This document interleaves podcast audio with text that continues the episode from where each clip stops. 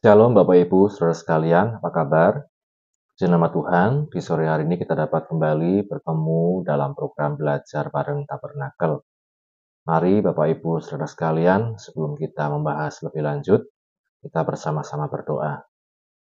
Bapak kami bersyukur untuk kesempatan yang kau beri kepada kami di sore hari ini untuk kami belajar dari firman-Mu. Bukalah hati kami, berikan kami pemahaman pengertian ya Roh Kudus, sehingga kami dimampukan untuk mengerti dan melakukan firman-Mu. Kami bersyukur, ini doa kami, di dalam nama Tuhan Yesus kami berdoa, haleluya. Amin. Puji nama Tuhan, Bapak Ibu Saudara sekalian, dan mohon maaf berbeda dengan biasanya karena saat ini saya sedang uh, bertugas di luar kota ya, urusan gereja Pantai Kosta. Kita sama-sama akan melanjutkan pembahasan kita. Kita sudah sampai di episode yang ke-47 dan saya memberikan judul Roh Allah sumber segala kreativitas. Roh Allah, sumber segala kreativitas. Bapak Ibu, kalau kita kembali melihat dalam skema tema suci atau tabernakel, ini yang menjadi gambaran kita dalam kita menjalani hidup sebagai orang percaya. Di sana ada bagian luar halaman yang menunjukkan mereka yang belum mengenalkan Kristus Yesus sebagai Tuhan dan Juru Selamat.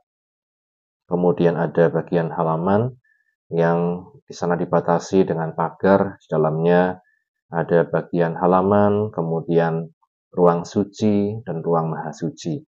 Di halaman kita melihat ada uh, mesbah korban bakaran dan kolam, ya. Ketika kita masuk pintu gerbang halaman ini, ini menunjukkan gambaran kita percaya pada Tuhan Yesus Kristus sebagai Tuhan dan Juru Selamat. Dia yang menjadi jalan, dia menjadi pintu untuk kita dapat sampai kepada Bapa, sampai kepada keselamatan. Mesbah korban bakaran adalah lambang bagaimana korban Kristus itu yang menebus kita, orang berdosa yang belum mengenal kebenaran, belum mengenal Tuhan, tetapi oleh karena korban Kristus kita diampuni dosa-dosanya, diselamatkan, dijadikan milik kepunyaan Tuhan sendiri. Itu sebabnya kemudian kita masuk ke kolam pembasuhan. Di sana berbicara tentang sakramen baptisan air yang menunjukkan penanggalan manusia lama, meninggalkan manusia lama, dan mengenakan manusia baru di dalam Kristus Yesus dalam terang firman Tuhan yang terus-menerus diperbaharui sesuai dengan gambar kaliknya atau gambar pencipta kita. Ketika kita akan masuk ke ruang suci, Bapak Ibu saudara sekalian di sana ada pintu kemah. Bentuk kemah ini menunjukkan satu juga tahapan dalam kita menjalani hidup sebagai orang percaya, yaitu dipenuhi roh kudus, baptisan roh kudus. Dan kemudian kita masuk ke ruang suci, di sana ada meja roti sajian atau meja roti pertunjukan, ada pelita dan ada mesbah dupa atau mesbah ukupan. Meja roti sajian berbicara tentang hidup yang dipenuhi oleh firman Tuhan, yang berdasar firman Tuhan. Roti adalah makanan bagi manusia kita secara jasmani, tapi firman Tuhan adalah makanan bagi manusia rohani. Pelita ini terus menyala, menunjukkan terang, hanya roh kudus dan firman Tuhan yang memampukan kita menjadi terang di mana pun kita berada. Mesbah dupa adalah uh, satu tahapan di mana kita terus terhubung dengan Bapa, terus terhubung dengan hadirat Tuhan melalui doa dan penyembahan yang tentu bukan hanya dilakukan, dikerjakan ketika kita ada di gereja, tetapi di mana pun kita berada, merupakan satu doa, merupakan satu penyembahan kepada Tuhan dalam setiap yang kita kerjakan. Pintu tirai menjadi pembatas antara ruang suci dan ruang maha suci. Pintu tirai di sini berbicara tentang satu batasan ketidakmampuan manusia untuk dapat sampai kepada Bapa, untuk sampai kepada hadirat Allah. Kalau di zaman dulu hanya imam besar yang boleh masuk. Tetapi saat Yesus disalib, tirai di bait suci itu terbelah menjadi dua dari atas ke bawah, menjadi satu uh, tanda bahwa ada uh, jalan yang baru yang dibuka oleh Yesus untuk kita dapat sampai kepada Bapa. Kemudian di ruang maha suci, di setelah ada hadirat Tuhan yang begitu luar biasa, menunjukkan satu keintiman dengan Bapa di surga yang dilambangkan dengan tabut perjanjian. Nah, Bapak Ibu sudah sekali ini menjadi satu patokan gambaran besar kita sebagai umat Tuhan orang percaya dalam arti kita ambil bagian itu kita tidak hanya berhenti di satu titik tapi kita mau terus untuk uh, semakin hari semakin mengenal pribadi Kristus semakin hari semakin menghargai kasih karunia-Nya dalam kehidupan kita Kamis yang lalu kita belajar tentang kolaborasi tanpa mendominasi. Kolaborasi tanpa mendominasi, ya berkolaborasi, bekerja sama tanpa harus mendominasi atau merasa yang paling bisa, merasa yang paling hebat. Kita belajar kisahnya dari keluaran pasal 35 di ayat yang ke-30.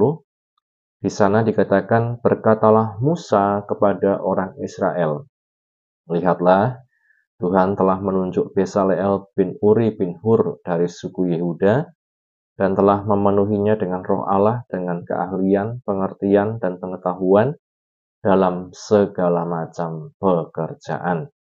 Kita melihat Bapak Ibu saudara sekalian bahwa ada orang yang secara khusus ditunjuk Tuhan, Besaleel dan juga satu lagi Aholia bin Ahisamak dari suku Dan.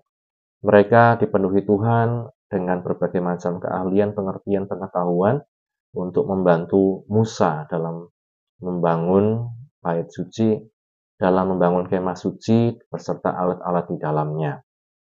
Bapak Ibu, kalau kita melihat dari sudut pandang Musa, meskipun dia hebat, meskipun dia luar biasa, terdidik dalam pendidikan Mesir, dididik orang-orang yang luar biasa, tapi untuk pengerjaan bait suci dia perlu orang lain, ya kita tidak bisa mengerjakan semua hal sendirian. Kita perlu dibantu dan juga membantu orang lain. Itulah kolaborasi Bapak Ibu. Dalam hidup ini, semangat kolaborasi bukan hanya semangat saling menjatuhkan, ini sangat penting dalam kehidupan kita. Kolaborasi dalam pengertian secara umum adalah perbuatan kerjasama dengan musuh dan sebagainya. Yang kedua, proses bekerja sama antara dua orang atau lebih untuk mencapai tujuan yang sama. Ya, ini Bapak Ibu. Bahkan seperti pengertian pertama tadi bisa dengan musuh bekerja sama, bekerja sama berkolaborasi dalam berbagai macam hal. Maka kita melihat Bapak Ibu sekalian ini menjadi juga teladan ya dalam hal baik tentunya ya kita bisa bekerja sama untuk kemuliaan nama Tuhan. Dasar kolaborasi adalah tuntunan dan petunjuk Tuhan. Maka dikatakan tadi Tuhan telah menunjuk Besaleel bin Hur. Ya, dasarnya itu. Ada petunjuk Tuhan untuk mengerjakan berbagai macam hal yang diperlukan untuk pembangunan kemah suci. Kemudian yang kedua untuk kepentingan orang banyak, ya, untuk orang Israel ini jika mereka keluar dari Mesir untuk mereka beribadah kepada Tuhan.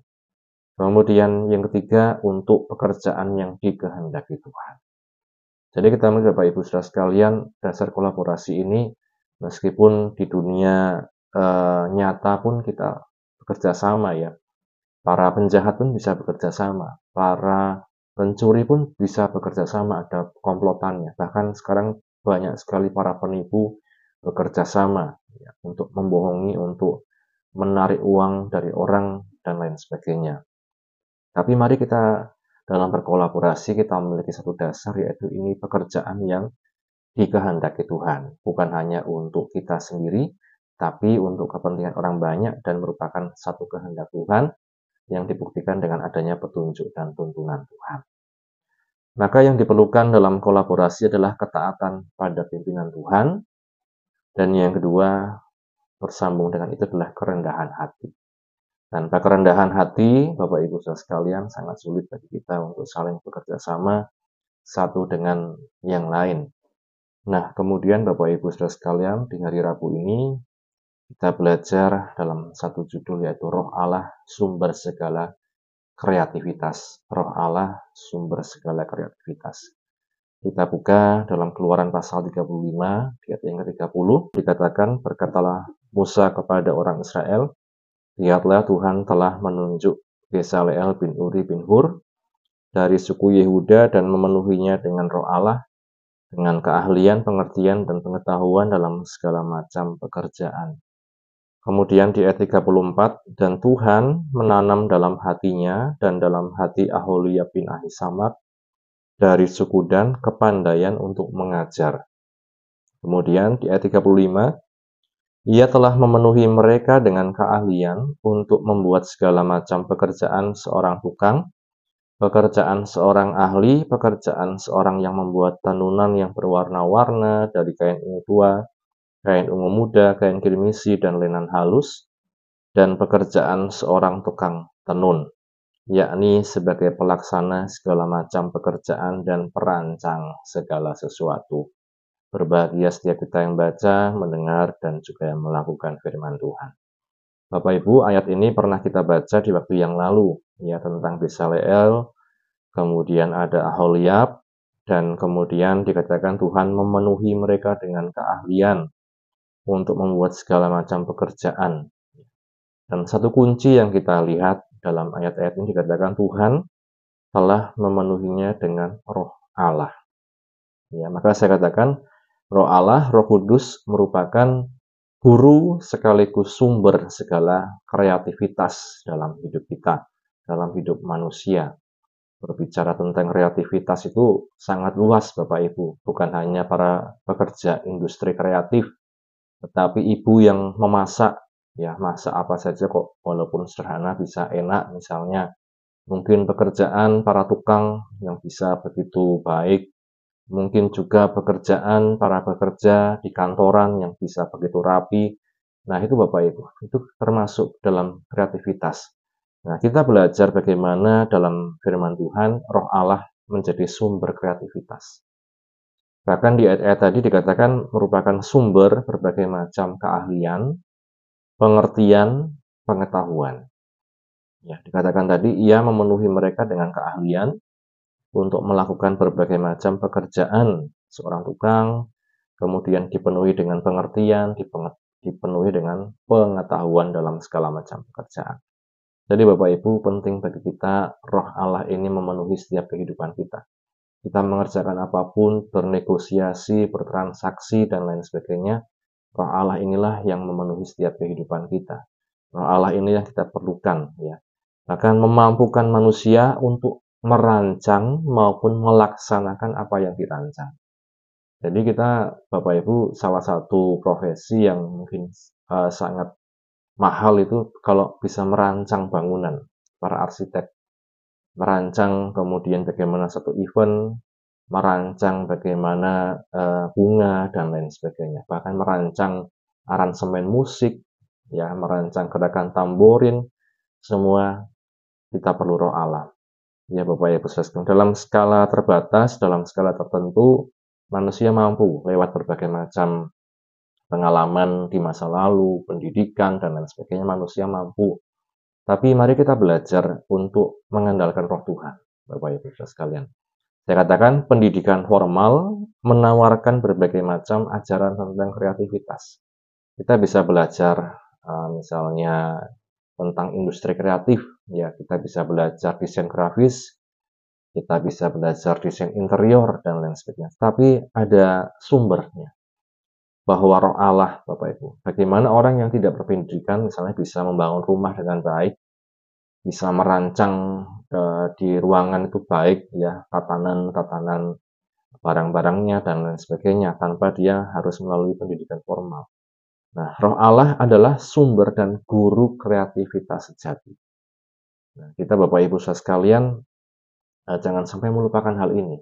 Kita sebagai orang-orang yang begitu uh, mungkin setia pada Tuhan, melayani Tuhan, mari kita juga rindu untuk terus dipenuhi roh Allah sehingga kita bisa berkreatif dalam berbagai macam hal yang kita kerjakan. Ya, Bapak Ibu Saudara sekalian, motif ini yang penting.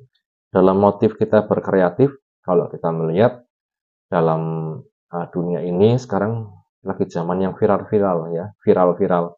Orang membuat kekreatifan hanya untuk memancing orang lain untuk mengomentari biar viral dan lain sebagainya. Tapi kita melihat Bapak Ibu jangan sampai kita motif berkreasi itu hanya untuk mencari keuntungan diri sendiri saja. Tentu mencari keuntungan ya itu tidak salah, tetapi jangan sampai untuk merugikan orang lain. ya mencari keuntungan diri sendiri tapi merugikan orang lain itu kan tidak baik Bapak Ibu menjatuhkan orang lain tidak baik maka kalau kita lihat tadi Bapak Ibu dalam kisah Besaleel dan Aholiab merupakan inisiatif atau visi dari Tuhan ketika Tuhan menunjuk. Besaleel, Aholiab dan orang-orang lain diberikan keahlian di hatinya ditanamkan untuk bisa mengerjakan pekerjaan tersebut. Jadi tergerak hatinya untuk mengerjakan. Ya inisiatifnya dari Tuhan dan untuk memuliakan nama Tuhan. Bukan hanya sekedar pribadi tapi benar-benar memuliakan nama Tuhan. Seperti di waktu lalu kita belajar untuk kepentingan orang banyak dan itu sesuatu yang dikehendaki Tuhan. Dan nyambung dari yang lalu motif kreativitas adalah ketika kita juga dapat saling berkolaborasi Bapak Ibu saudara sekalian. Berkreatif bekerja di industri kreatif misalnya itu perlu kolaborasi. Para apa pencipta tokoh kartun dia tidak bisa sendirian dia gambar gitu lama. Kemudian bagaimana menjadi film kartun itu ada satu proses yang lain bagaimana harus dirancang di layout kemudian di style di kemudian di edit lagi dan lain sebagainya jadi bapak ibu saya sekalian kita harus juga bisa saling berkolaborasi dalam berkreasi maka dari itu satu hal yang jangan sampai kita lupa. Kita mau melayani Tuhan, kita mau bekerja di mana pun, kita belajar di sekolah, kita berinteraksi dengan sesama. Lebih dari sekedar ingin membuat atau mengerjakan sesuatu, mari kita terlebih rindu untuk lebih dulu dipenuhi oleh Roh Kudus. Tiap-tiap hari Bapak Ibu. Kita nggak pernah tahu apa yang kita hadapi hari ini. Bapak Ibu kalau mungkin di jalan lagi perjalanan ketemu seseorang yang membutuhkan pertolongan, ya. Ada satu kemudian dalam hati tergerak dan kita bisa berkreasi untuk menolongnya seperti apa. Misalnya seperti itu. Jadi Bapak Ibu ini bukan hanya kasus bekerja melayani tapi sehari-hari Bapak Ibu. Ketika mungkin di kulkas ada bahan ini itu kita bisa berkreasi menjadikan satu masakan dan lain sebagainya. Karenanya sekali lagi lebih dari sekedar ingin pengen mengerjakan sesuatu lebih dari itu, mari kita terlebih lagi rindu untuk lebih dulu dipenuhi oleh Roh Kudus. Sehingga segala sesuatu yang kita kerjakan bukan hanya membuat kita senang, tetapi juga membuat Tuhan dimuliakan dalam setiap kehidupan kita. Syukur-syukur dalam segala yang kita kerjakan itu juga menjadi satu sumber penghasilan dalam kehidupan kita, Bapak Ibu saudara sekalian. Kiranya firman Tuhan ini menjadi berkat untuk setiap kehidupan kita. Amin. Mari sama-sama kita berdoa. Bapa Surgawi, kami bersyukur untuk firman-Mu yang telah kami baca, kami dengar, kami renungkan. Menolong kami untuk mengerti kehendak-Mu, menolong kami untuk mengerti bahwa Roh Kudus, Engkaulah yang menjadi sumber dan guru kreativitas dalam hidup kami. Janganlah kami mengandalkan diri kami sendiri, pengalaman kami, atau sekedar pendidikan formal kami, tapi biarlah kami mengandalkan Engkau dalam segala hal ya Tuhan.